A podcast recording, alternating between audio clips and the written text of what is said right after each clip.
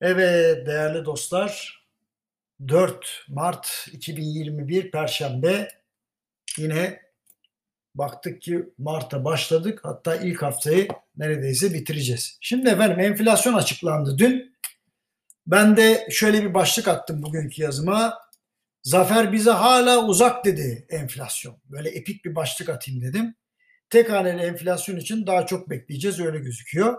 Şimdi bildiklerinizi anlatmak yerine farklı bir analizi paylaşmak istedim.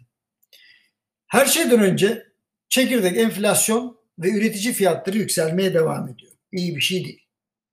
Yani çekirdek enflasyon tüfe artışının da üzerine çıktı. O da kötü bir şey. Yani mevsimine bakılmaksızın sürekli satın alınan mal ve ürünlerin fiyatı artmış.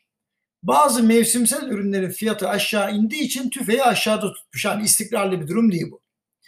Enflasyonla mücadelede kalıcı başarı için sonuçlar yerine nedenlerle uğraşmak gerekiyor dostlar. Bir kere onu söyleyeyim.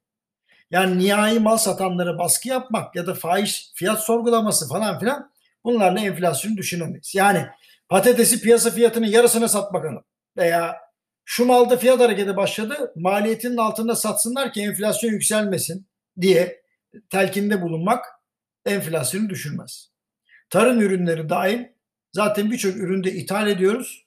Demek ki asıl mesele, mesele Türk lirasına güvende. Şimdi unutmayalım. Enflasyon yüksek kaldığı sürece faizlerin de yüksek kalmaya devam edeceğini rahatlıkla söyleyebiliriz. Açıklanan enflasyon oranı ve ortaya çıkan enflasyon patikası bize gösteriyor ki yaz ortalarına dek faizi düşürmek normalde mümkün değil. Niye normalde diyorum? Hep bir endişem var çünkü. Yani bir de yurt dışından e, bakıldığında küresel anlamda gıda ve emtia fiyatları da yüksek seyretmeye başladı. O zaman enflasyon daha da yükselebilir. Şimdi hal böyleyken faizlerin düşürülmesi için baskı yapılması ayağa kurşun sıkmaktan başka bir şey değil ben uyarayım.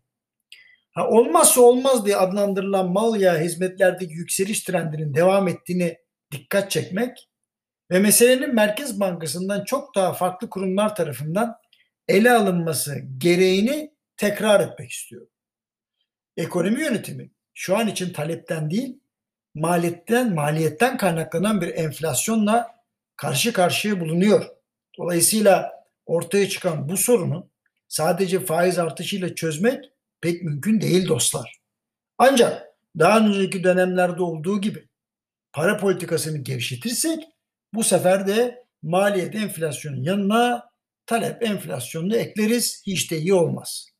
Dolayısıyla Merkez Bankası'nın adımlarını sadece bugünkü değil, gelecekteki enflasyonu da durdurmaya yönelik adımlar olarak nitelendiriyorum. Faizlerin düşürülmesi için baskı yapılmasını da kusura bakmayın bu açıdan tehlikeli buluyorum. Ama da yine her kafadan ses çıkacak buna eminim. Yarın görüşmek üzere. Hoşçakalın.